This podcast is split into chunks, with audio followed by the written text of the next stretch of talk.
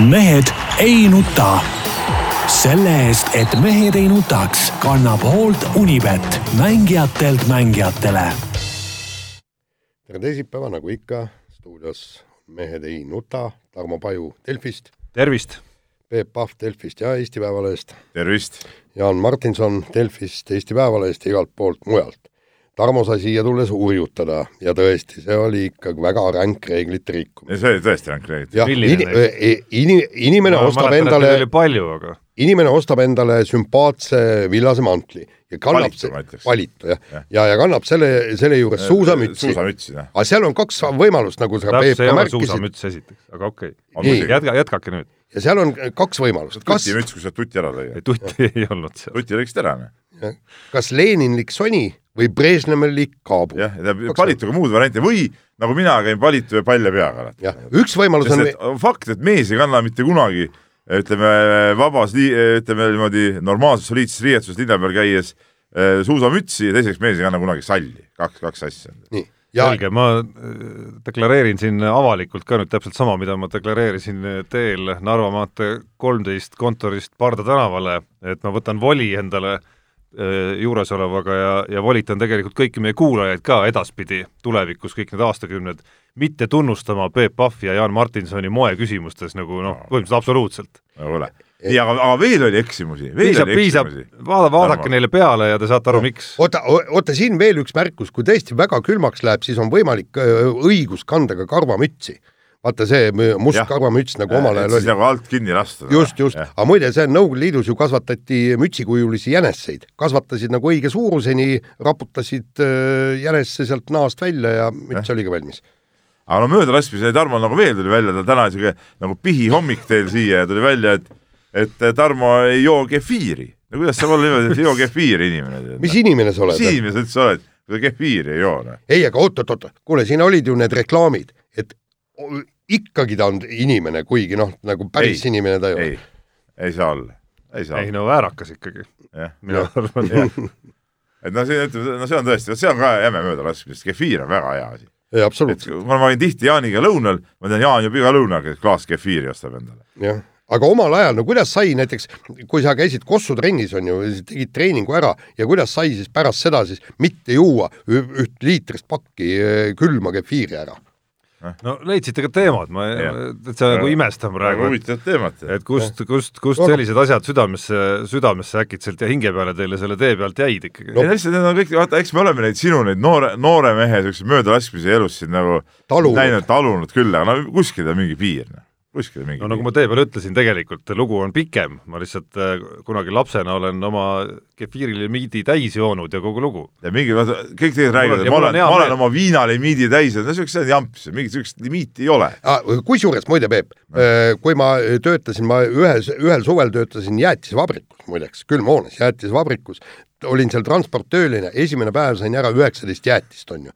ja siis muidugi, Pole midagi. ei, ega see ei olegi midagi, aga ma sain praktiliselt iga päev umbes nii palju Jah. seda jäätist ja siis pärast seda küll poolteist, kaks aastat väga seda jäätist enam ei tahtnud, aga siis tuli jälle jäätis isu tagasi. piimaauto peal kunagi töötasin, eks ole, hallil ajal, vedasin koort eh, Tallinna külmhoonesse Keila meie reist, siis seal ka vedasin nagu jäätise sinna vabrikusse külmhoonesse, siis sealt sai alati jäätis, võtsid alati kilekotid ja jäätised, sõid need kohe järjest kõik ära. jumala normaalne minu arust, milles küsimus. aga kusjuures meil oli vaata, kui ma kooperaatoris töötasin Transana, Jah. et seal oli niimoodi, et, et sügiseti sa, samasse äh, kohta, kui meie viisime oma kaupa, no igast mööblit ja, ja muud asja, siis seal, sinna toodi arbuuse. ja siis muidugi neid, neid arbuuse, mis olid noh, kuskilt natukene katki või mõranenud, siis neid anti seljakotiga või mi- mitte seljakotiga, vaid kohe suure niisuguse kotiga ja siis tassiti meile sinna ja siis oli küll niimoodi, lusikaga sõid arbuusi sisu ainult ära, tead, seda arbuusi oli niivõrd palju. aga viimati üks väike, väike mina, ma eelkõige mõtlen praegu, ma mõtlen, ma mõtlen lihtsalt meie palju kannatanud kuulajatele, kes lihtsalt peavad taluma seda kõike Ei, siin juba üks- viiendat minutit. üks väike detail veel, et kui ma töötasin äh, sovhoosis kass viiekümne kolme peal, see oli enne, enne sõjaväkke minekut, siis ma vedasin nagu loomi ja, ja, ja siukest liha ja asju. Ja, ja siis viidi alati siuke, siuke kahtlane liha viidi lihakombinaati ja, ja, ja kui ma nägin seal seda, seda rotiparve, mis seal äh, ringi liiklus, ega siis ka lihaisu tegelikult või siuke vorstiisu äh, eriti ei olnud tegelikult tükk aega. aga noh, pärast jälle kõik taastus ja mõtlesin, et mis see vahet seal on. vanasti räägiti, et kui lihakombinaadis, see oli seal, kus praegu asub see ähm, keskus, no põhimõtteliselt ta jääb sinna äh, noh, sinna raudtee ja, ja siis äh, mis ta on, kus see ratas on ja see suur Ja, ja, seal oli see Suur Sõjamäe ja, ja sinnakanti ja seal oli Ülemiste. vanasti ja Ülemiste jah. see, ma mäletan rongiga linna sõites, sealt sai ikka korraliku siukse kuidas öelda, nagu värskendus Jah. alati. see tuli, see tuli isegi kinnisest kui- rongi et kui- akendest et- sisse. et kui hommikumasinad tööle pandi, siis alguses on ainult ro- rotipigin kuulda. ja, aga muide, see, sealt tuligi meil see, vaata, mäletad need viiekopikalised pirukad Jah., et meil oligi hiirepirukad Jah., et, et sellepärast, et noh, et see hakkliha, mis seal on, et enamasti on hiired. ma arvan, et kõigil nüüd on hea söögiisust, varsti lõunatund on tulemas. nüüd, nüüd tegime kõigile kõhu, kõhu nagu korda, et, et hakkab, hakkab tulema sööki. jah, poliitikast niikuinii rääkida ei ole, kütame siis nüüd no spordi ühe, nii palju Ühe. ütleks, et ma viisin nagu kaks otsa vist täna hommikul kokku, täna on viljakas hommik olnud, et nii, et vaata, detsember on kuu, kus alati Die Hard jookseb, on ju, Visa Hing, ehk. John McClane, eks ole, teeb oma kõik teod ära, nüüd äsja TV3-s on või oli see TV6-s või jooksis Rocki jah. jooksis Rocki kõik seeriad, eile vist jõudis lõpule see. Ja näha on, et Eesti poliitikas ikkagi leidub järjekindlalt mehi, kes saavad nagu niisugust suurt innustust, et vanasti oli Urmas Reinsalu see, nüüd on Henn Põlluaas ka parteisse tulnud, kes lähevad siis nagu John McClane'i ja ja Rocky Balboa eeskujul, ma saan aru, Petserit ja kõiki, kõiki neid alasid tagasi võtma. noh, no kas sa arvad, et Eesti peaks oma alasid kätte saama, kui ma tulen, ma, ma arvan- ei, ei, Tarmo, aga saad, ma tulen näiteks sa saad, ja, ja ja võtan juhtu- sinu, sinu krundilt lihtsalt ühe tüki ära. kas sa oled sellega rahul või? ei ma lihtsalt tahan, ma tahan, tahaks Peep, sa seletaks selle skeemi ära, kuidas Reinsalu ja Põlluaas Ei. lähevad ja selle ära teevad. skeemi mul ei ole. McClane'i eeskujul ainult võib-olla. skeemi mul ei ole, aga ütleme natuke seda Kus- teemat nagu üles võtta aeg-ajalt ikka võib ju noh. täiesti mõttetu üks- täiesti mõttetu. üks asi on ju öö, nüüd vahepeal ära kadunud, mäletad, oli see Reinsalu või kes see oli, kes tahtis ju öö, Nõukogude Liidult öö, miljardeid ja miljardeid dollareid seda nii-öelda meie, meile põhjustatud kannatuste eest. nojah, aga, aga, aga teine asi, Jaapani ja, ja Nõukogude Liidu vahel Kuriili saared on kogu aeg jutuks olnud ju. ja ja siiamaani on, tegelikult sõda ei ole lõppenud ju. jah, et, et, et see on samamoodi, kas see on ka sama mõttetu teema või, Tarmo? saad aru, Peep? ei, ma küsin, sellel ei ole mingisugust mõtet Ei, seda küll. teema üles kruttimisel. Aga miks nemad siis kruti- miks jaapanlased krutivad seda? jaapanlased ja nemad olla, ma Ei, mõtlen, räägime sellest, millest me räägime siin praegu no. see on sama, täpselt sama olukord ju. näita see skeem, mismoodi Ei, ei, mis me need skeem? alad tagasi no aga kas nendel on mingi skeem seal või? ma ei hakka, ma ei ole nende osas asjatundja, aga Eesti-Venemaa suhetest tean natuke rohkem. nii, kuule, lähme nüüd spordi juurde.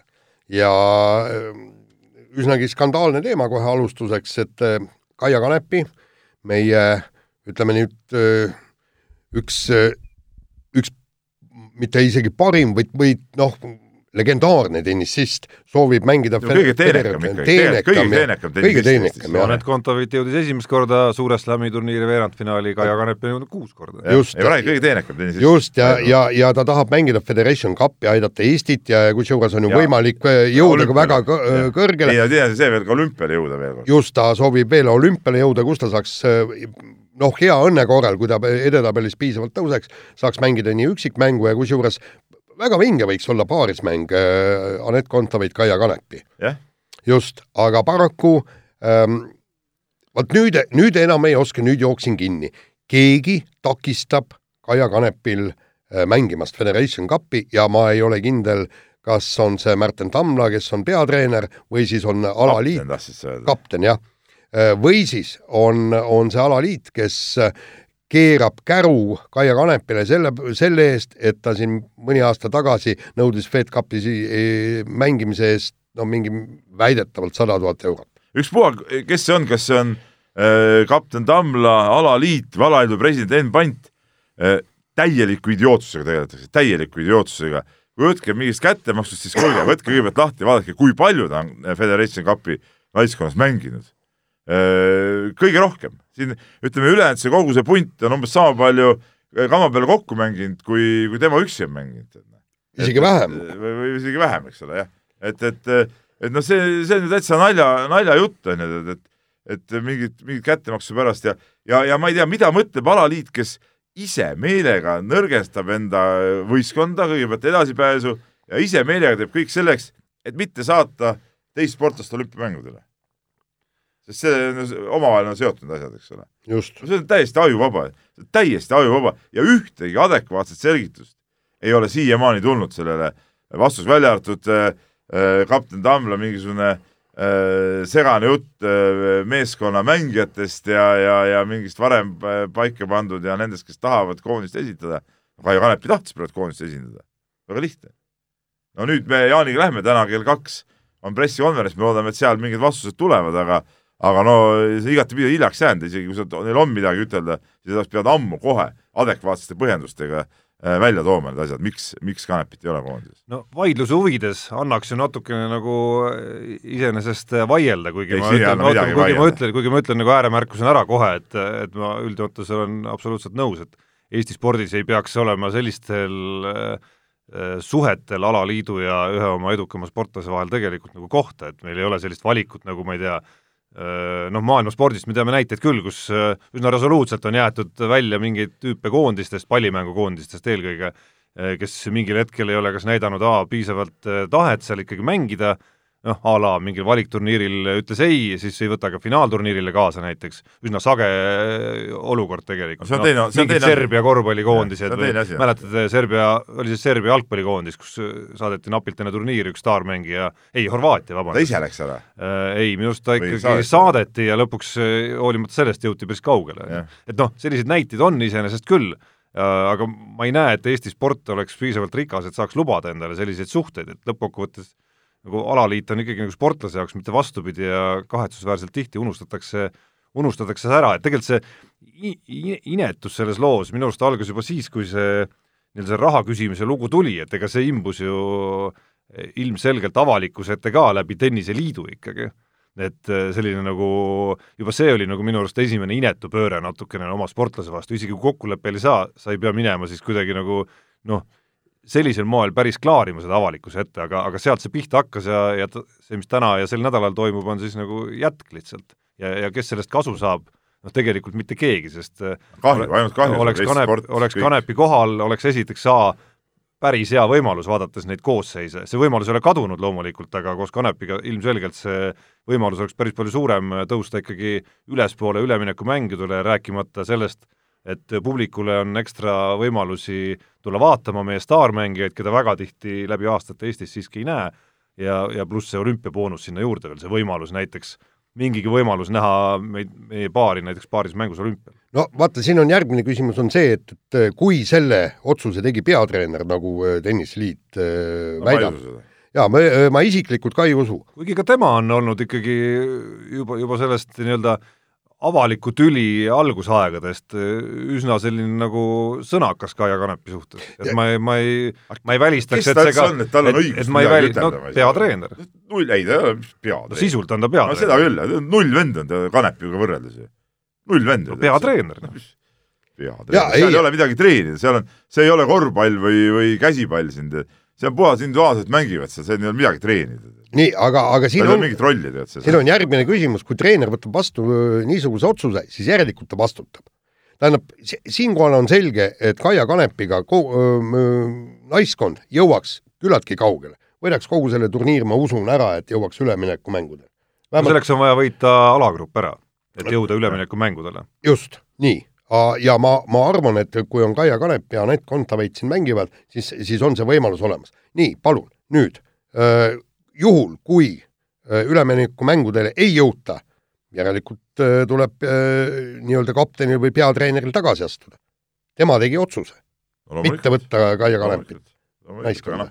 see kõik on nagu, see ei korva ju seda kahju, mis tekib. ei, absoluutselt. Russ, ma veel kord ütlen, ikkagi, mis on natuke võib-olla isegi nagu tahaplaanil, üks oli see Fed Cup ja see on kõik vägev siin kodus mängida, aga see olümpia, olümpia eh, küsimus on minu arust ka ju vä- väga oluline küsimus.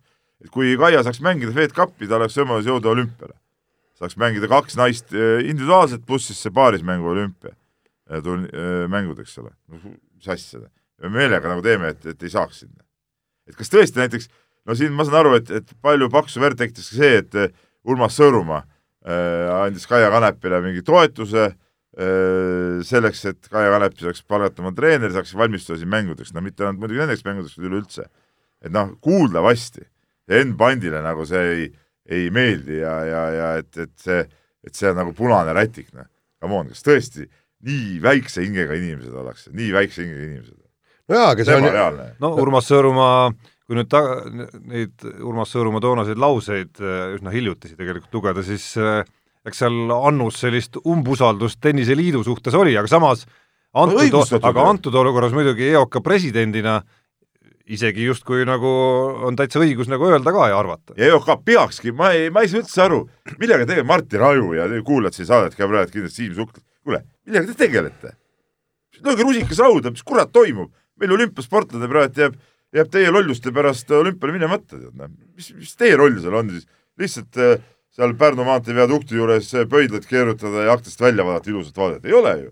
hakake nüüd tegutsema, tead kusjuures mäletad Suusaliidu puhul, kui oli konfliktsituatsioon eh, Tiim Haanja ja Suusaliidu vahel, siis EOK sekkus küll väga jõuliselt. Ja õige ja peabki sekkuma. Ja peabki sekkuma. Ja selles suhtes, kui ma äh, tegin siin T- Tõnistega seda intervjuud, kes no, kandideerib nüüd uueks olümpiakomitee presidendiks ka, ta ütles ka, et tema näeb ka, et niisugustes halbades konfliktides igal juhul peab olümpiakomitee rohkem võtma seisukohta ja, ja, ja sekkuma ka vajadusel. Ja tegelikult see ongi õige, noh, nemad peaks olema Eesti spordi äh, juhtiv organ ju tegelikult. jaa, et kas see sekkumine peab olema just niisugune ütleme, sõõrumaalik või ärimehelikult sõõrumaalik, vaid, vaid see võib ka olla lihtsalt selline, ütleme, heas mõttes Jüri Ratasulik, selline, No kes võtab läheb ja, ja helistab kes läheb ja räägib, räägib osapooltega, saab aru, milles siis see värk on ja, ja üritab siis ütleme, teha vähemalt nagu endast kõik olenev, et kuidagimoodi, kuidagimoodi, kui see võimalik on, siis osapooled saaks ühele lainele. kuigi ma antud juhul, antud juhul kusjuures see olümpiapoint on nagu eriti hea, mis, mis nagu ekstra veel peaks No tegelikult muidugi. eh, EOK-d nagu justkui, justkui olümpia-aastal ja olümpiaala arvestades ja olümpiapääsmetest rääkimise tõttu nagu ajendama ikkagi mida, mingit sammu nagu astuma. ja ja samas EOK ju maksab vähemalt eh, noh, läbi EOK käivad ju kõik need eh, nii-öelda alaliitude toetused ja kui on tegu Eesti Olümpiakomiteega, siis selge see, et, et need toetusi makstakse selleks, et sportlased jõuaksid olümpiamängudele. kui alaliit takistab teadlikult ja tahtlikult sportlase jõudmist olümpiale, no jumala eest, miks me siis talle toetust maksame? on ju nii? aga noh, ütleme, tulles päris su alguse juurde tagasi, et täna on see pressikonverents ka, on ju, et, et juhul, kui seal on mingeid kaalukamaid põhjuseid tõesti, ma ei, me ei tea, mis suhted seal omavahel on, mis ajalugu seal täpsemalt on, siis oleks äh, ammu olnud aeg, et, et Märten Tammla ja võib-olla Ken Pant oleks siis nagu vähe, vähe täpsemalt nagu rääkinud nendest siis. Ei saa olla mingeid tagapõhjad seal suhteid. ei saa, spordis ei saa olla, kui sa lähed tegema tulemust, ei saa olla seal mingisuguseid vingumist ja suhteid. okei okay,, noh, oli, olid halvad suhted, konflikt, lepime ära ja lähme nüüd üheskoos võistkonnaga ja proovime see turniir kinni panna, jõuda üleminekumängudel, võita ka üleminekumängud. ei saa ju olla, no meie oleme mina olen Eesti. Eesti on nii väike riik, et me ei saa siin hakata tead oma, oma rida ajama tead ja kellegagi siin vingume ja hädaldama. nii, sutsutennisest veel, Austraalia lahtised tennise meistrivõistlused said lõpu pühapäeval, kui me eelmist saadet pidasime, siis oli Anett Kontaveit veel konkurentsis, aga aga veerandfinaalis siiski Simona Halepilt tuli kindel kaotus vastu võtta ja lõpuks siis äh, nägime võitjatena Australian Openil Novak Djokovic ja naistest siis väikese üllatusena, aga, aga teisast, teisalt vist mitte niivõrd üllatusena, kui mõelda, et viimasel ajal enamik naiste Suure Slami turniire uue võitjaga lõpevadki, ehk siis Sofia Kenin. no ma kirjutasin siia teemadesse, et, et keegi Sofia Kenin, sellepärast et noh, okei okay,, me, me teame teda, ta on väga tubli ja tragimängija ja äh, kuulub maailma tipptennisse jalamile, ei saa öelda, et ta absoluutses tipus on. siiamaani ta oli jõudnud paremal juhul neljandasse ringi suurturniiril. ja palun, ja, ja tuleb jälle, võtab ära. ja, ja, ja neid näiteid on viimasel ajal noh, no Ostapenkost me oleme ju rääkinud ja siin on neid näiteid küll ja küll ja küll ja küll. ja, ja, ja, ja jällegi, eks, et täpselt sama hästi oleks võinud ju ka Anett Kontaveit selle turniiri ära võita. mitte mingit takistust ei olnud. ta kaotas Simona Halepile, tõesti, Halep mängis briljantse mängu ja, ja ma, ma ütlen, et isegi siis, kui äh, Anett Kontaveit oleks noh, mänginud elu parimat tennist, ta ilmselt ei oleks võib-olla võitnud. numbrid oleks äh, ilus, ilusamad olnud. aga nagu selgub, on Halep ka alistatav. Ja on seesama Muguruusa, kes alistas äh, Halepit, ka tema on alistatav, tähendab, no Siin on võimalik. finalistidest ei olnud ju enne seda turniiri esikümnes maailmas, ei olnud jah, et noh, seegi juba näitab, et, et naistetennises on kõik võimalik ja ja nüüd nagu tead, ootaks, et Kontaveit ka suudab midagi sarnast teha. jah, samas minu tema leveli pealt need mängijad tulevad. niimoodi. samas see finaal, mida ma tegelikult jõudsin isegi päris palju vaadata, minu arust näitas väga hästi ka, et kes selles, et mis tüübid selles segases vees siis äh, lõpuks äh, sihile jõuavad, et ongi sellised äh, oma ea kohta kuidagi nagu uskumatult enesekindlad esiteks, suudavad mängus püsida punkt punkti kaupa, ei, ei mõtle seal kuskil mitte midagi, mingil hetkel kaugemale, tulevad rasketest seisudest välja kindlasti et, et see tuli väga hästi välja, ta tuli kahes võtmegeimis, üks, üks küll võtmegeimiks ei osutunud, aga teises küll null neljakümne pealt välja, see oli väga tähtis kindlasti, et sellised nagu vaim, mingisugune nagu vaimne tugevus vaatab vastu, kui sa pikemat aega jääd jälgima neid otsustavaid mänge. jaa, aga, aga täpselt sama, vaata siin ongi see, et, et kui me võtame nüüd äh, Anett Kontaveidi need üksikud mängud või üksikud setid või üksikud game'id, ka tema on tippmängijate vastu null neljakümne pealt välja tulnud ja kõik nii.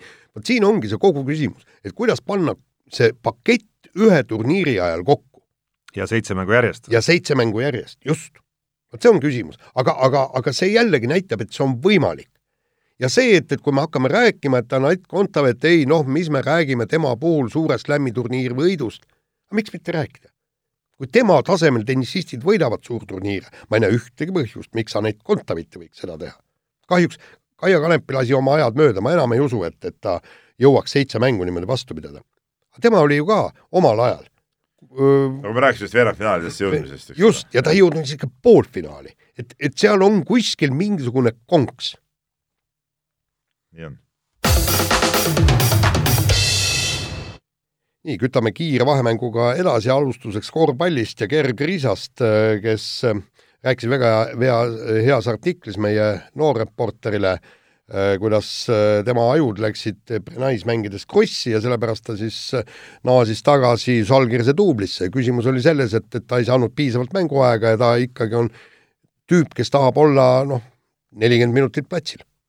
No see on niisugune kahe otsaga asi, noh, et, et tegelikult nii nagu seal ta artikliski ütles, et Roberto Javdokas, Žalgirise, mis ta on, spordidirektor, küsis, et kas sa tõesti oled sa kindel, et sa tahad ikka tagasi tulla, eks ole et noh, tead, võiks öelda, et noor mängumees kannatab ära, ta nii vähe seal ka ei mänginud, ta mängis ikkagi oma ju viisteist, kuusteist minutit umbes keskmiselt. et äh, pead ise need minutid edasi välja võitlema ja, ja sa oled kõrgliigas, noh. see on teine asi hoopis.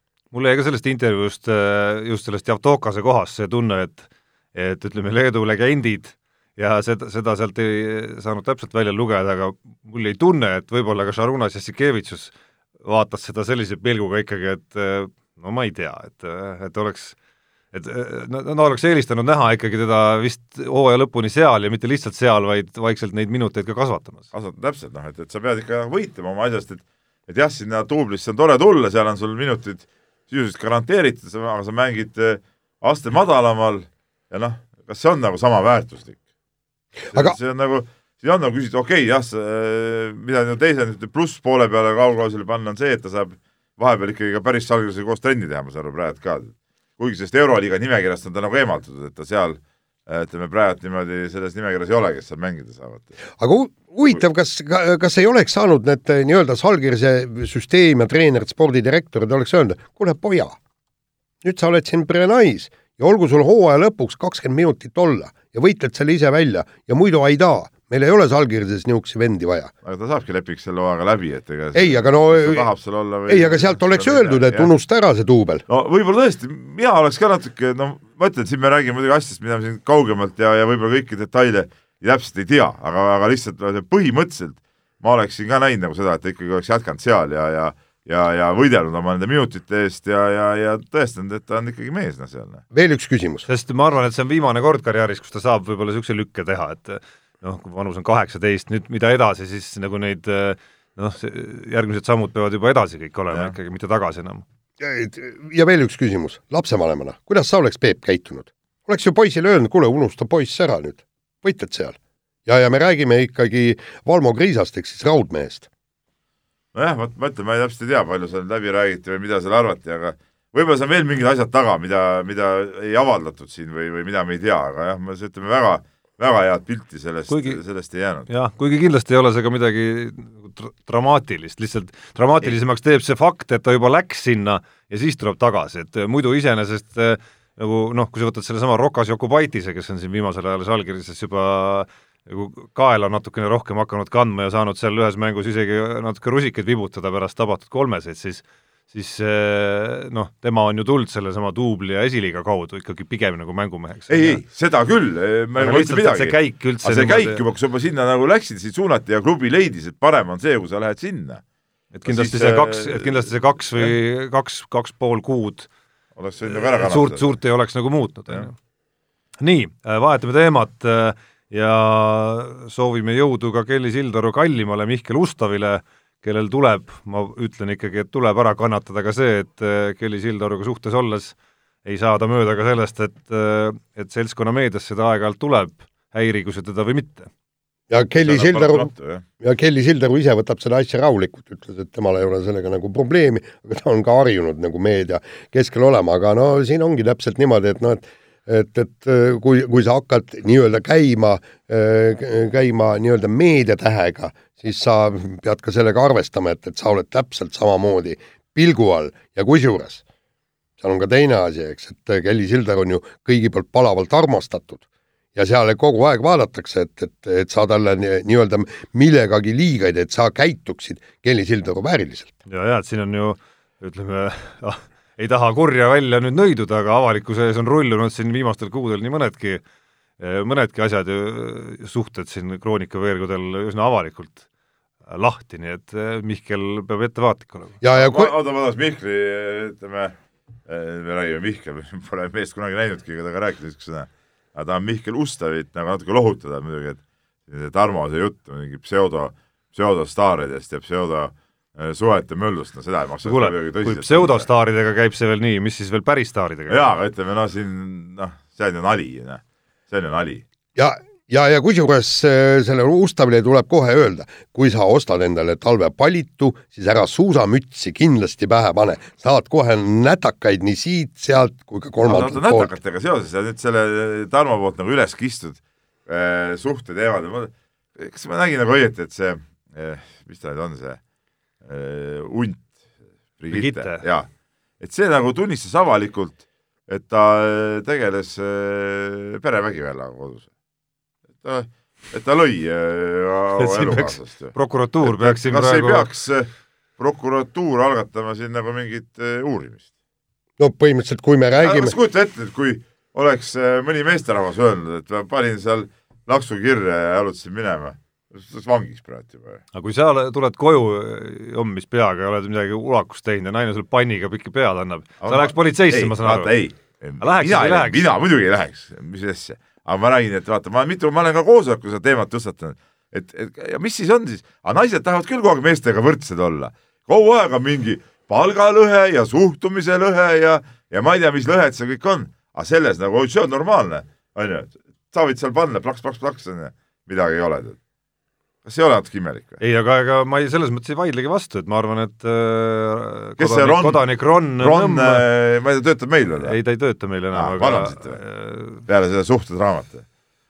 las lahkumise asjaolud okay, selleks las ta olla, aga ei puutu antud, antud teemasse. kuskil teisel korrusel, ma ei, ma ei tea. aga, aga palun väga, noh, tulekski, prokuratuur peakski, ma ütlen ka tõsiselt, peakski algatama. mõne, aga mõne asja kohta ongi ju äh, prokuratuur meedia ilmunud põhjal. seda ma räägingi. jah, jah, vot nii. hästi, just saime ka Tarmo euro. ja me oleme ikka väga, meil on nagu südamering põhimõtteliselt. südamering, jah. selle tuntud filmi tuntud see film veel ei ole, aga see, see oli tuntum, see film, enne kui see film ise nagu esilinastus, ma saan aru. ma lugesin täna arvustuses, et seal võeti mitte lihtsalt jõudnud ringis, vaid nagu see ring peab olema ka südamekujuline kolmekesi on raske sellist kokku panna. No, südamekujulist. no aga käed panedki üks lüli on puudu, üks peaks siin vahel olema. see võiks lebada südamekujuliselt niimoodi kolmekesi. seda saaks, jah. natuke kronksus, kronksus ja siis üks siis käed hoiavad niimoodi, et tekib see südamevaheline niisugune ülemine niisugune jõnks sisse. kas see oleks performance või? no ma arvan, et see oleks vägev. nii ähm,, aga vägev värk on ka Tehvandil äh,, meie suusamekas kus tegelikult tuli täna uudis, et tehakse ka äh, tavalist kunstlund, kuna tulid miinuskraadid lõpuks, aga neil on ka selge plaan selleks, et äh, veebruari lõpus, märtsi alguses äh, plaanitud laskesuusatamise Euroopa meistrivõistlused ikka toimuksid ära ei jääks, tuua kohale nii-öelda lumekonteiner, kus siis saab teha kuni pluss viis kraadiga, pluss viie kraadiga saab teha kunstlund, selleks et rada saaks korda, praegu plaanitakse soomlased rentida, aga pikemas perspektiivis tahetakse see siis soetada päris Tehvandil ja minu arust arvates meie ilmasid oleks nagu hädavajalik. ja vot, vot siin ongi jällegi küsimus, ega mina ei teadnud sellest konteinerist äh, kahjuks äh, midagi enne, kui nüüd see teema üles tõusis. ja, ja siin ongi niimoodi, meil on suur Tehvandi, väga vinge suusakeskus, ainukene asi, et pole lund. ja, ja, ja nüüd ongi, tähendab, ühesõnaga kogu see asi seisab seal jõude. ja, ja me räägime, ühest küljest on miljon eurot tõesti tundub, et äh, jube palju, aga teine asi, kui me räägime tõesti, et, et me paneme praegu jalgpallihallide alla ja siia kolmandasse kohta, siis igal juhul see Tehvandil vähemalt on see öö, öö, lumekonteiner hädavajalik. Ja nagu öeldi, et tegelikult oleks vaja nelja meile, et, et saaks kõik Pärnu, Jõulumäe saaks ja, ja siis seal Ida-Virumaale üks, üks veel kuhugi et esialgu piisab veel ühest ka. esialgu piisab ühest, aga, aga see tuleks igal juhul võtta ja seda saaks ju edasi kui me saame Soomes just täpselt, aga, aga see oleks nüüd äh, hädavajalik, ma, ma loodan, et äh, järgmisel aastal riigieelarvest kuskilt see miljon leitakse. No see oleks nagu väga loogiline, muidu lihtsalt jah, tõesti need äh, välja ehitatud ja raha kulutatud nende keskuste peale praegu ei ole nagu pointi nagu seda. ja me oleme miljoneid sinna sisse tagunud, on ju, eks. ja, ja, ja, ja tegelikult lõppkokkuvõttes see tuleb ju, me kaupleme siis miinustega, meil jäi ju kahevõistluse MK-etapp jäi ära, sealt on niikuinii mingisugused kahjusummad tuleb ju katta ja kõik niimoodi.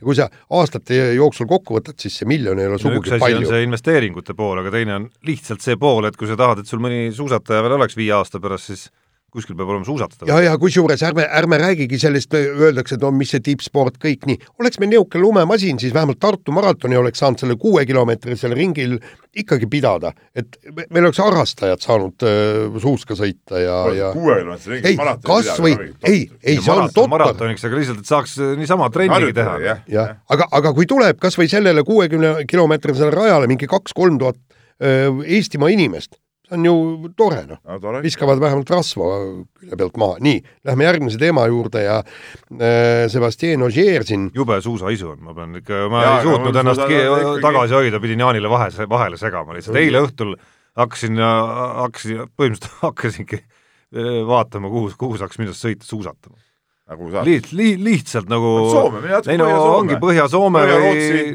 Norra, kõik kohad on täis. no ja sõltubki, kas ongi Põhja-Soome või, või siis no ei saa salata, väike Itaalia kiusatus on ka. ja seda sa nagu mäesuuska minna tegema siis? sel juhul on mäesuusk, aga aga Itaalias saab murdmaad ka teha? jaa, ei muidugi saab, jah. ei no Itaaliasse sa ei lähe murdmaad sõitma. miks ka mitte? siis, siis on Soome täitsa okei okay.. aga ma ei ole kindel, kumb on odavam, kumb on kallim üldse. no aga Jaan, Jaan, kes läheb Bolognasse siin mingi ülehomme või millal ta sõidab ja. siin, hakkab mulle rääkima, sa, sa ei lähe Nuustakule miskipärast naisega puhkama. ei, ei, ma, ei, ma räägin seda, et, et sa, mina läheks Itaaliasse murdmaad sõitma. mina läheks Itaaliasse murdmaad sõitma, kui ma tahan sõita murdmaad. klassikalises stiilis absoluutselt, no kuule, uisustiil on Rock. saatanast. kui siis ainult nagu vanasti see uistu oli üks jalg on selles klassikalises jäljes ja siis teisega lükkas siit kõrvalt. oli alguses niimoodi, mäletad? isegi Tarmo, sina mäletad seda mäletan, kuigi väga ei ole sellest efektist nagu aru saanud. muidugi andis kus juurde. see nagu, ei no selles mõttes siis sõida vaba juba noh. ei no see keegi ei teadnudki vaba veel ju siis, see oli tol ajal, kui mina ka suusatasin, meil olid ka rajad ja, ja, ja panid samamoodi. ja teine asi oli see, et keegi ei uskunud, et on võimalik viisteist kilomeetrit äh, vabatehnikas, no tähendab, ühesõnaga niimoodi läbi uisutada.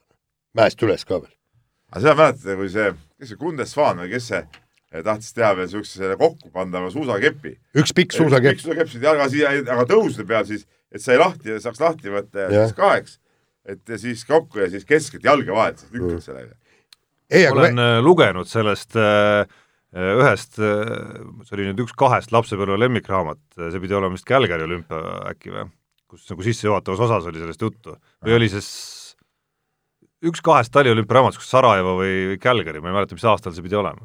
ei, sa, Sarajevo ajal ei olnud veel see pidi Calgary olema, see pidi Calgary olema. jaa, aga, aga seal oligi, vend tegi ju tegelikult MM-il pulli, kusjuures ta päev enne MM-i algust tuli rajale selle ühe suusakepiga ja mille peale siis Suusaliit kogunes öösel ja võttis vastu reegli. ja ma, ma ei mäleta, kuidas see reegel, reegel oli, aga, aga igal juhul nad kartsidki, et, et vend tuleb ja hakkab niisugust tsirkust tegema. nii. Pull ka saama. okei okay,, võtame järgmise teema ja räägime rallist ja Sebastian Ogier noh, ütleme niimoodi, et, et viibutas natukene Ott Tänaku suunas näppu ja üritas väita, et tema on nagu veidike targem mees kui Ott Tänak sest andis teada, et äh, Tänaku avarii näitas, et meie konservatiivne taktika oli õige. ehk siis mina olen parem, mina olen taktikaliselt niisugune õigem vend, ma olen targem vend, aga sina näed, äh, surusid liialt gaasi, sõitsid rajalt välja, katkestasid, aga mina sain teise koha. nojah, aga noh, midagi pole öelda. valesti otseselt ei öelnud midagi. no enam, et see avarii äh, nii-öelda tagapõhi oli ju see, et Tänak üritas äh, näpistada sekundeid kohas, kus teised ei üritanud. no jaa, aga ütleme nüüd niimoodi, et, et niimoodi tagasihoidlikult sõites, no nagu öeldakse, et, et ta sa sõuad, kaugele jõuad, aga jääd igale poole hiljaks, on ju. no igale poole hiljaks ta pole elus jäänud, et no nüüd jäi päris, küll. Päris sageli on jõudnud äh, nii hästi kohale isegi, et äh, täitsa mitu maailmameistritiitlit on jaa, aga ma ei ole kindel, et ta nii, nii-öelda liiga konservatiivselt seal sõidaks ja ja kui ta natukene oleks gaasi pannud viimasel päeval oleks võinud ka esikoha võita. aga samas on selge ka see, et eks me natukene nüüd vääname ise siin seda Ogier lauset natuke rohkem sellesse võtmesse, et see nagu oleks tänaku tögamine, kui see, kui see tegelikult mõeldud oli, ma arvan. noh, kunagi ei tea, ega, ega ütleme nii, et Ogier ei ole sugugi nii pai poiss, kui võib-olla pealt näha. hea küll, aga Ogier ja Tänak saavad omavahel iseenesest väga hästi läbi, ma olen aru saanud et.... no seda enam tögame no,, me saame ka sinu, sinuga läbi ikka tögame teineteist eh tavaliselt jääd sa siis lebama pärast seda, aga no saab vahel karjutudki. noh, muidugi. mis siin salata. aga kiire vahemängu lõpetuseks, mis taaskord väga kiire ei ole olnud äh,, anname, teeme natuke rõõmu ikkagi, teeme, teeme natuke rõõmu Jaanile ka, et ta ikkagi tahaks meiega edaspidi ka siin saates olemas olla. Äh,. noor mängujuht Patrick Mahomes vedas Kansas City Chiefsi Super Bowli võidule. Ei no ma lihtsalt äh, nagu kirjutasin, et nii sünnivad staarid, et, et tegelikult tahaks ka näha, et, et mõni Eesti mängija äh, samamoodi kaotusseisust tuleb ja teeb selle mängu ära, viib, viib oma võistkonna võidule, olgu see siis kas korvpallis, jalgpallis, no ma ei tea, käsipallis, kui, kui see, et, et tegelikult ne, nende legendide sünde on, on jumalast lahe vaadata. et äh, Tom Brady tulekut ma isiklikult äh, ei mäleta, kindlasti ma vaatasin seda Super Bowli, aga on kuidagi ajalukku jäänud kaks tuhat kaks või millal, millal ta esimese endal võitis. ja, ja siin aegade jooksul ja nüüd Mahomes on küll see vend, kes võib kotti pista kõik Breidi rekordid, aga noh, eks tulevik näitab. söödud, noh, ma vaatasin pärast seda kokkuvõtet, head näitasid mulle ka, need söödud olid muidugi vägevad muidugi, need pikad, pikad pallid, mis siis ette pani väga täpselt. just, aga, aga see ongi tema spetsialiteet, on tõesti hea mees. nii. nii, Jaan on rahuldatud. rahul Unibetis saab tasuta vaadata aastas enam kui viiekümne tuhande mängu otseülekannet. Seda isegi mobiilis ja tahvelarvutis. Unibet, mängijatelt mängijatele. kui me nüüd Unibeti oota, nii, oota, ma nüüd enne kui Unibeti juurde, Jaan, Tarmo siin nagu lõpetas enne seda kõlli nagu, et Jaan on rahuldatud ja ma tahtsingi küsida, kas, kas sellest teemast rääkimine oli parem kui seks? jätan vastuse võlgu. see on küll väga tähenduslik. Nii. oleksid sa küsinud, kas vaatamine? no vaatamine, no seda sa nagunii tegid, et vaatasid, noh. ei noh, rääkimine on üks asi, Super Bowli vaatamine. aga igal juhul rääkimine aga vaatamine oli parem siis või? ei kommentaari. noh, näed. oota, kas seksi vaatamine või või Super Bowli ei no kindlasti ma vaataksin Super Bowli enne kui mingisugust seksi okay.. siin ei ole küll nüüd mingit. nii, räägime Unibetist, äh, selle, selle äh, rubriigi alustuseks peame rääkima kindlasti ka meditsiinist natukene, sest midagi ei ole teha, Peepu Peep ja Dementsus vaikselt hakkavad ikkagi käsikäes käima, ta üritab küll presenteerida seda tohutu strateegia ja taktikana, ja mis ei saa välistada, muidugi võib ta lõpuks ka võidule kanda, eks see alg kolmsada, mis tal seal Unibeti kontol on, hetkeseisuga ongi liiderpositsioon tänu sellele, et et, et mees ei ole veel panustamiseni jõudnud, meie Jaaniga siin oleme aktiivsed tegelased ja oleme mõlemad ikkagi nat-, napilt alla kolmesaja, minu pankrott vaatab ju vastu. ei, pankrotist on asi kaugel, kahesaja kaheksakümne üheksa koma viiekümne peal, täpne mul on, mul on kakssada üheksakümmend kaks kopikat. et eelmine nädal ühe euroliiga, ühe euroliiga panuse panin, aga ikka tegin vale valiku. No ütleme niimoodi, et, et äh, mul just see nii-öelda Patrick Mahomes äh, võttis mul võimalused võita, sellepärast et ma panin äh, San Francisco 49ersi peale, et nende ko- koefitsient oli parem. Ja mul oli mingisugune noh, niisugune mõ-, mõte, et nad võiksid võita, kusjuures muide nende treener muidugi juhtis seda mängu minu meelest valesti, mitte mi- ainult minu, vaid paljude spetsialistide arvates oleks ta seda juhtinud õigesti, siis oleks ma selle panuse võitnud. kusjuures tükk aega mõtlesin, üks jube magus panus oli, üks kaheksale, kas äh, Super Bowlil teha, teeb üks meeskond kolm skoori järjest. ja, ja tükk aega kibelesin, mõtlesin, et pagan, et äh, hakkab äkki mäng käima ühest august teise ja kaks korda tehti tegi nii äh, 49ers kolm skoori järjest kui ka Chiefs kolm skoori järjest. oleks siis, aga siis sa kaotasid, oleks kaotanud panuse? ei oleks, miks? ei vähemalt üks kord. aa, vä-, oligi kas oli vähemalt? vähemalt üks kord, jah. ma just, et äh, mõlemad võistkonnad tegid, siis nagu ei olnud üks võistkond. jaa, ei ma, ma just mõtlesin sellepärast, et noh, et äh, jah. no olgem ausad, need on need kõige nõmedamad panused, mis sa nagu mõtled päris pikalt ja siis jätad nagu panemata, et eh, minul eelmisest nädalavahetusest kripeldab samamoodi Kalev Cramo mäng Peterburis, mis nagu, kus olid nagu seinal olid kirjutatud kõik tunnusmärgid, et Kalev Cramo kui mitte võidu peale, mille koefitsient oli viiega midagi, siis vähemalt eh, selle peale, et nad kaotavad vähem kui kaheksateistkümne punktiga, oleks nagu noh, tegelikult pidanud panema, arvestades, et seniidil oli mehi väljas vigastusega, et see on üldse ikkagi nagu suhteliselt mõttetu sats, ma ei tea, kas Juan Plaza on veel ametis või ei ole, igatahes nagu noh. ja sellise raha eest, Euroliiga suuruselt seitsmes eelarve. et see nagu noh, pluss kodus nad mängivad üldse miskipärast väga kehvasti, vähegi normaalsed võidud on nad see aasta võõrsil saanud enamasti ja nii edasi ja nii edasi. Ja Kalevi viimane mäng kodus oli ka väga sümpaatne, nii et aga noh, nii ta jäi, uue nädala Unibeti eripanus ehk siis mehed ei nuta eripanus on aktiivne, ütlen, et olen ise juba panustanud sinna, eile, kui see aktiivseks läks, puudutab Federation Cupi ja tennist. Ja küsimus kõlab, kas Anett Kontaveit võidab sel nädalal kõik üksikmängude matšid äh, sellel kodusel Federation Cupi turniiril ja, minu arust on äh, jah, koefitsient äh, küll selline, mis omab väärtust endas, sest see on kolm koma kuus koguni ja ei on üks koma kakskümmend seitse. okei okay.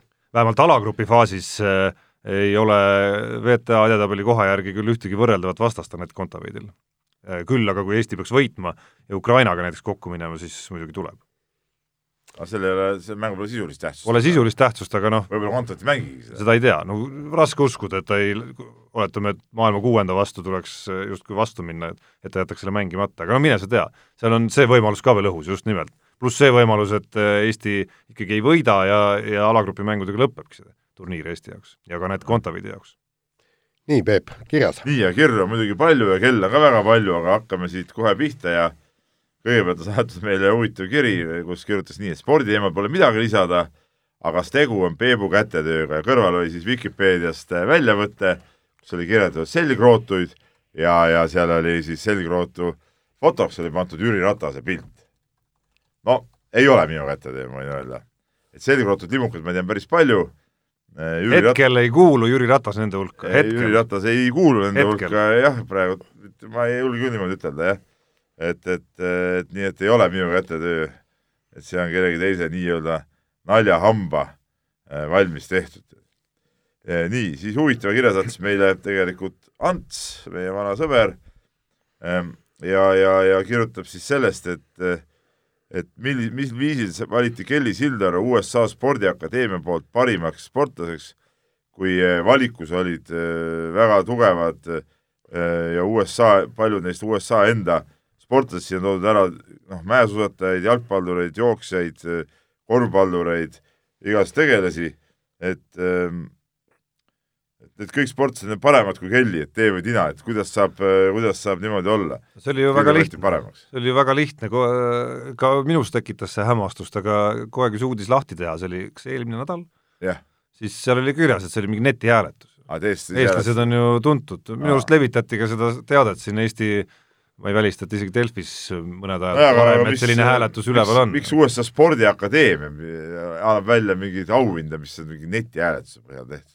no muide, näiteks see nii-öelda Ameerika jalgpallis sinna Pro Bowlile või, või, või see on see tähtede mängule valitakse ju ka netihääletuse põhjal ja ja kusjuures kõikidel tähtede mängudel. nii, aga seal, seal ongi väga, väga huvitav, kui, kui tehakse mängijad, kui Margus Hunt üle-eelmine hooaeg tõesti väga hästi mängis, on ju, siis tehti ka suur kampaania seal, tema abikaasagi saatis igale poole postidega, valige minu meest, valige minu meest ja kõik niimoodi, et selles mõttes äh, ta, ta ei ole ikkagi päris õige, et ütleme, kes on kõige aktiivsem sotsiaalmeedias, siis see saabki parimaks või tähtede mängul, eks. nii on. nii, aga teadlane Priidik ka, meie eh, väga hea kirjasaatja, saadab seekord päris ka huvitava küsimuse, et välismaal moodustavad väga suure osa tippsportlaste sissetulekutest reklaamirahad, mida neile maksavad spordiarvete või üsna suvaliste kaupade tootjad. kas on aga Eesti sportlastest olnud, kes on aga Eesti sportlastest olnud kõige suurem reklaamirahade korjaja? ta pakub välja siin, kas Andrus Veerpalu oma pensionipõlve Palvimi all veetmas, see oli siis tolle Hansapanga reklaam, eks ole nii-öelda pensionifond, millest palju on räägitud. kas keegi on reklaaminud ka midagi väljaspool Eestit No- ma mäletan, et Kristiina Šmigun ja oli mingi pesupulbri reklaamis kuskil, meil oli ka isegi lugu, kuidas ta käis seda filmimas kuskil Poolas ei, ta oli äh, Lätis käis äh, filmimas jah, aga, aga see oli ikkagi mõeldud Pribaltikale reklaam ja seal oli väga huvitav, et nad otsisid äh, Balti Vabariikidest kõige tuntum sportlane, kes on igal pool naisterahvas, et kes on äh, kõigis kolmes riigis tuntud ja, ja siis leidsid, et Kristiina Smigun ongi see kõige suurem staar, tema ikkagi korjas tõesti väga suured sponsorsummad. tema eelarve oli ju pealt kolme miljoni Eesti krooni ja, ja kui ainuüksi mütsi, mütsi ees olev reklaam maksis miljon Eesti krooni, see tolle aja kohta see oli ikka meeletu, meeletu summa. No praegu Ott Tänak loomulikult, praegu on Ott Tänak jah, ütleme, kindlasti. kindlasti ma pakuks, et need summad kokku on tal suuremad isegi kui Jaa., kui see toonane kolm miljonit krooni. ja pluss Kelly Sildaru oma Red Red, Red Bull. kiivriga. ja, ja pluss see jope ja pluss need suusafirmad pluss prillifirmad, pluss see, pluss kolmas-neljas, eks. ütleme niimoodi, et, et tõesti, aga, aga ikkagi neid nii-öelda megasummasid eh, Eesti sportlased ikkagi reklaamiga ei teeni, no me räägime ikka miljoneid ja miljoneid, kui no päris nii ei saa võrrelda võib-olla, kui, kui mõned, mõned kõige, kõige tipumatest tipumad. nii äh,. tuli selline küsimus Al, Alarilt, kes ütleb, et ta jälgib meid juba Kalev spordiajast, see oli tõesti ammune aeg, kui me televiisoris seda saadet tegime rohkem kui kümme aastat tagasi. me oleme ikka päris pikalt olnud eetris siin järjepidevalt. ütleb, et vahepeal tuli suurem paus sisse nüüd, aga trennide ees ei jää ükski saade vahele ja podcasti, podcasti vormis seda kuulab, siis küsimus on meile siis selline, et kas Ott Järvela pidas oma podcastis, kui ta seal midagi rääkis eh, inimestest, siis hülgevuntside kõige tea-, kõike teadvate vanameeste, et kas ta pidas hülgevuntsidega kõige teadvate vanameeste silm, all silmas siis Jaan Martinsoni ja Peep Pahvi. ma ei tea, ma ei tea, mis, millisest ta seda rääkis, aga ei oska öelda, mul ei ole hülgevuntsi. sinul ei ole, mul on jälle, nii et, et no ja kui ta pidas silmas, siis noh, kusjuures väga õigesti on märgitud, me tõesti teame kõike. ei, see vastab absoluutselt tõele muidugi see vastab tõesti tõele. nii, aga korraks tuleme veel viimase kirjana tuleme juurde tagasi Super Bowli juurde, millest siin me leiame juttu ka ja Marko kirjutab, et see oli äh, lihtsalt äh, vahele põikena, et ma, mul, minu orbiidil kuskilt käis läbi, et see, see väljend käis siis selle kohta, selle nädalavahetuse kohta, kus äh, väga suur hulk Eesti spordinaisi olid väga tublid. Ja siis, ja siis Ott tõi siis selle, selli-, esines sellise väitega, et et see kõik juhtus siis hülgevuntsidega vanameeste meelehärmiks. ei, mis mõttes meelehärmiks, me oleme alati öö, nais, et naissportlased me näitas, et me näitasime ennast nagu spordinaiste maana ja see ei tohiks siis ma arvan, et ta ei pidanud teid silmas, ta teab küll, et te olete väga niisugused noorte naiste maiad, kes ei oleks, kas sa ei ole, Tarmo või? ei, minu arust küll oled. ei, nii, aga viimase kirjana võtame siis, tuleme veel kord tagasi. minu abikaasa on äh, poolteist aastat vanem must, täpsustan. noh, no aga meie mõistes ta on ju noor. ja meie mõistes esiteks noor ja minu orgaani mõistes. teiseks, noh, see ei, ei tähenda seda, et sa ütleme, ei või nagu silmanurgast. ei, ahah. kas su abikaasa kuulab seda saadet või? jaa, jaa, arusaadav. eriti, eriti teatud kohti. jah, me lähme üle teise teema peale kõik on hästi ja Tarmo vaatab ainult endast viisteist aastat vanemaid naisi. nii. aga viimane kiri siis, taaskord tuleme tagasi äh, selle Super Bowli juurde ja Marko kirjutab, et et äh, Super Bowlist räägiti pikalt ja laialt, et kui kallid on sealsed reklaamid ja ja mis need kõik maksavad, lisaks räägiti väga pikalt äh, poolajal või veerandajal toimunud esinejatest ja nii edasi, aga mängust endast oli nagu meedias suhteliselt vähe juttu. Äh, et, et küsibki, et kas tegemist on ikka päris spordiga, tundub, et pigem on see tilu-lilu reklaamiüritus, mille pausil mängitakse mingit eba, pausil mängitakse mingi ebasümmeetrilise nahast keraga ei no tuleb tunnistada, et, et kui me vaatame välismeediat, siis seal ikkagi lehekülgede ja artiklite kaupa räägiti ikkagi tegelikult sellest mängust. pigem Ameerika meedias. just Ameerika meedias ja mitte muu maailmas, aga, aga, aga tõesti noh, ütleme niimoodi, et, et Eesti meedias, kui kirjutada põhjalikult lahti nende võistkondade taktika, siis see ei paku midagi, aga kui me räägime ikkagi kolmkümmend sekundit reklaami maksab viis koma seitse miljonit noh, see ütleme niimoodi, et Eesti lugejale veidi huvitav. aga ma soovitan siiski Mar-, Marko oli see nimi, jah, nii, Marko lugeda tänast eh, Eesti Päevalehte, kus Jaan siiski kirjeldas ka seda mängu poolt, sportliku poolt nii, et eh, hommikusel koosolekul meie peatoimetaja küsis, et kas ikka oli mõtet nii palju sellest mängust kirjutada ja noh, et eh, läbi, lepime siis kokku, et Jaanil võtame natuke palgast maha see kuu, et ta ei teinud nagu ütleme vastava ei, õige, õige sisuga artiklit, vaid läks nagu puhta spordi peale. Nii, aga, aga kusjuures kiirelt ütlen, et Super Bowl on see, et, et kui raha ja sport pannakse, viiakse kokku ja see on tegelikult noh, see on see, millest, millest ka kirjutati, kui seal Kaunases allkirjases me, meie inimesed turunduses võit ei ole tähtis, jah? võit enam ei ole tähtis. et selles mõttes, et, et tõesti teenida raha sellele samale võistkonnale või siis tervele selle alale ja, ja ma arvan, et, et Eestis peaks ka sellest turundusest rohkem vot sel-, jaa, aga selles allkirjas, see ei olnud meil siin teemaks, aga see hea, et see tuli praegu jutuks Eh, tegelikult mulle tundus, et need noh, turundusinimesed üldse, ega nad on noh, need ei saa elust ju tegelikult tavaliselt hästi aru. Nad elavad mingis uhuu-maailmas. mõnes mõttes. Peep saavad nad elust just ei, väga hästi ei, aru. ei, nad ei saa elust üldse aru nad..., mis on elus nagu oluline. Nad ei saa sellest aru, mis elus oluline on, nad saavad aru ainult oma mingist turundusest ja rahast ja mingit niisugust asjadest, aga ei no see, see ei pruugi alati raha, Peep, olla. ja, ja kui me räägime sellest, et ta ütleb, et võit ei ole oluline, oluline on see, et inimene tuleb siia tulema ennast hästi, siis tegelikult ikkagi inimene tulebki sinna ainult siis, kui võistkond ikkagi võidab ka, et kui, kui Žalgiris kõik mängud kaotaks, siis ma olen jumala kindel, et, et ütleme, mingil hetkel see publiku arv hakkab igal juhul vähenema ja, ja ongi kõik. et võit on spordis alati kõige tähtsam, see muu tilulilu, mida need turundajad ette kujutavad, nemad teevad seal mingit suurt asja, see on kirbusitt selle kõrval. sa muidugi väänad natuke seda minu arust selle mõtte sisu, et noh, nemad peaksid, see, et nemad peaksid oma tööd tegema ikkagi ka selle arvestusega, et ka siis, kui kaotame, tuleks rahvas, see on minu arust nagu nagu töö, töödeviisina ei ole kõige tähtsam, sest see on vale. Nad ei öelnud seda niimoodi, nad mõtlesidki seda oma töö kontekstis ikkagi ja Žalgirise näitel me näeme, äh, sel hooajal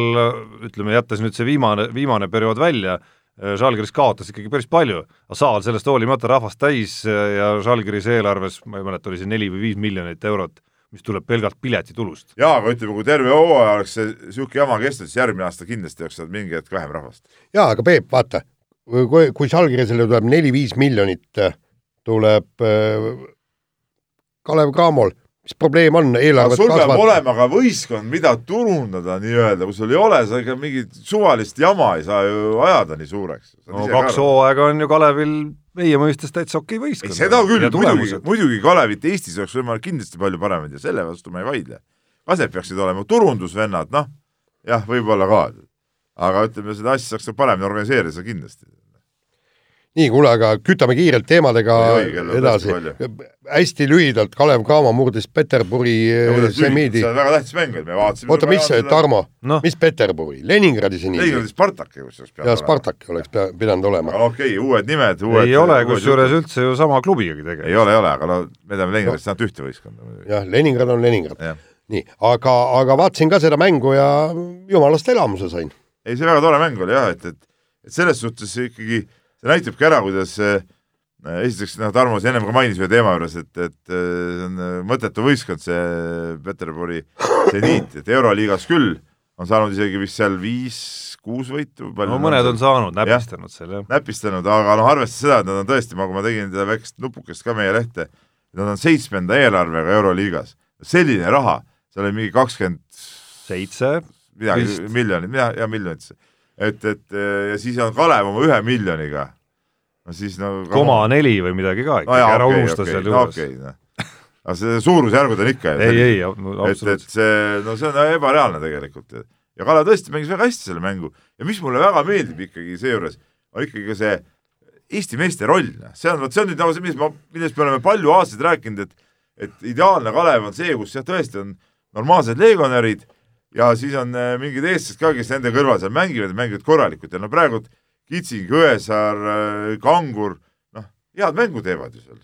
väga, väga no Sten Sokk ka tegelikult. ja Sten Sokk ka on, äh, kindlasti mängib paremini, kui ta siin mängis võib-olla kaks aastat tagasi Kalevis, eks. jaa, et see on, et kui nüüd vaadata selle pilguga, et meil on koondise aken tulemas kohe, siis, äh, siis need on nagu eriti südantsoojendavad äh, märgid, et me saame koondisse ikkagi mõned mehed, kes on väga korralikul tasemel äh, liigas oma klubi põhitegijate hulgas, mitte ei tee seda kuskil, ma ei tea, Itaalia teises liigas või Hispaania teises liigas. see ongi see VTB ühisliiga väärtus. aga noh, tulles hooaja alguse juurde tagasi, siis eks kui meenutada neid jutte, kas või seda, mida me siin rääkisime, siis eks, eks see tekitas omajagu kahtlust ka, kas see on ikka nagu võimalik tõsi, ma mäletan, et selle ka-, et nagu ilma, et see peaks mingi eneseõigustusena kõlama, äh, selle kahtluse üks suuremaid aluseid oli see, et need legionärid, kes sel hetkel olid Kalevis kas olemas või, või veel tulemas, ei tundunud nagu sellised mehed, kelle ümber annaks äh, VTB play-off'i koha pärast võitleva meeskonna kokku panna, et et hooaja jooksul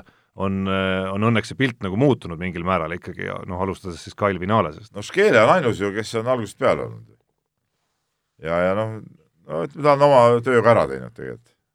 Nii, kuule, võtame siia nüüd selle teise teema, kolmanda võime, võime jätta järgmiseks korraks ilusasti, teine teema on ka sütitav. sütitav, aga, aga võtame sind kuulda, Johannes Erm, Karel Tilga püstitasid seitsmevõistluses võimsad isiklikud rekordid, kuus tuhat ükssada neliteist ja kuus tuhat üheksateist, ja noh, mõnes mõttes on see selle teema jätk, mida me siin saade kaks või kolm tagasi korra juba puudutasime, et et suveks ajab ootust aina kõrgemale. No suveks ajab ootust kõrgemale jah. see Karel Tilga jutt, mis ta rääkis ja. sellest, et olümpiakohad ei ole jagatud, ilmselgelt ei olnud ainult jutt, et äh, mehes on sisu olemas, et äh, et anda Johannes Ermile, Janek Õiglasele või Maicel Uibole, kellelegi neist vähemalt lahing olümpiakoha nimel. ei kindlasti ja tundub, et see lahingu ütleme, see piir, olümpiale pääsu piir võib tõesti olla päris kõrge Eestis seekord. et, et siin mingi kaheksa tuhande 000 kolmesaja mees ei pruugi olümpiale pääseda. no kaheksa tuhat, palju see on, kaheksa tuhat kolmsada viiskümmend on ju olümpianorm, eks, ega sa umbes ne, isegi neljasajaga ei saa sinna peale, kusjuures väga sümpaatne oli ja millest Märt Roosna, meil noor reporter, ka kirjutas, oli see, et vaadake tuhande meetri aegu. seal ikka mehed jooksid, eks ole. see ikka mehed jooksid, kaks kolmkümmend neli ja, ja oli vist, eks. ja, ja, ja kui ta märkis ära, et, et meie kuulus Hausenberg kaotab kaks kolmkümmend kuus.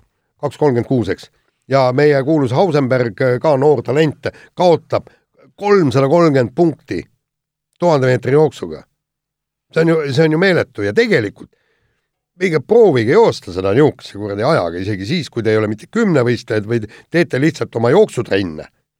ei muidugi. noored inimesed, eks. ma olen alla kolme jooksnud, aga, aga see minu jaoks ka omal ajal oleks see täiesti ulme olnud, niisugust aega joosta. ei, aga selles suhtes ütleme see meeste noorte meeste esiletõus seal, noh, Erm, Erm, noor mees, eks ole, Tilga on juba tead natuke siin tiitlivõistluses käinud, et et aga tal eelmine aasta ka oli vigastus, sisuliselt jäi hooaega vahele. et nende esiletõus, no see on nagu vägev, et et ütleme, seda, seda levelit on meil nüüd nagu kõvasti ja tegelikult on ju veel mingeid mehi, õnneks on järgmisel suvel ju, nagu me oleme ka rääkinud, kaks tiitlivõistlust, kus saavad käia, üks asi on olümpia, teine asi on siis Euroopa meistrivõistlused, et, et noh, et siin peakski vaatama, et saaks võimalikult rohkem mehi nagu välja panna tegelikult. Noh. Just, aga samas no, teisalt me... tahavad, ma arvan, kõik tipud seda võimalust ka ära kasutada, et Eesti spordisüsteem soosib ikkagi seda, et et minna, eriti kui sul olümpia välja ei tule. jaa, kui ma nüüd õigesti mäletan, siis on äh, kergejõustikliit on teinud sellise reegli, et EM-i ühe koha saab äh, Eesti meister, kui ta teeb kaheksa tuhande punktilise tulemuse jaa, aga noh, ma see on õige no,, ei see on õige minu arust, miks ka mitte. ei no okei okay,, ma saan aru, kui see oleks odaviskes kaugushüppes, kus sa võistled tõesti hästi palju, aga, aga sa mõtle nüüd, kui seesama Tilga või, või Erm peavad tegema äh, kaks seitsmevõistlust, kaks kümnevõistlust Ühendriikides, nii, ja, ja, ja siis, kui nad tahavad veel teha kuskil mingi kötsise ja siis olümpia veel ja, ja, ja, ja kuhugi sinna siis peab vahe, vahele mahtuma. ühe koha annavad selle, minu arust see on õige, see on õige tegelikult okay. siin on nagu, kes Eestis ka teevad asju ja, ja, ja miks ka mitte. aga, aga samas nagu me eile ka rääkisime, et tõesti nendel vendadel, kes, kes praegusel hetkel ei ole ikkagi niisugused kaheksa tuhat nelisada, kaheksa tuhat viissada punkti reaalselt võima, võimelised tegema, nendel on tõesti jube raske pääseda äh, praegu Eesti koondisse tiitlivõistlustele. noh, samas on teisest küljest jube lihtne näha enda ees Äh, nii-öelda nagu häid eeskujusid, kuhu no, on võimalik jõuda see, ja kuidas. kõik ei, kõigi andekus ei ole lihtsalt talent ei ole sellel tasemel, et teha kaheksa tuhat viissada punkti, selles on siis küsimus. no nende, nende jaoks jäävadki need nii-öelda rahamiitingud, Kötsis, Talants, noh, peavad seal võistlema siis. ja seitsmevõistlus. ja seitsmevõistlus proovime jah, täpselt no,, nii on. tõmbame joone alla. tõmbame joone alla jah, täpselt, kell on kaksteist ja tund aega on oldud, et paras aeg, ma arvan. just, järgmise korrani mehed ei nuta. saate tõi sinuni Unibet, mängijatelt mängijatele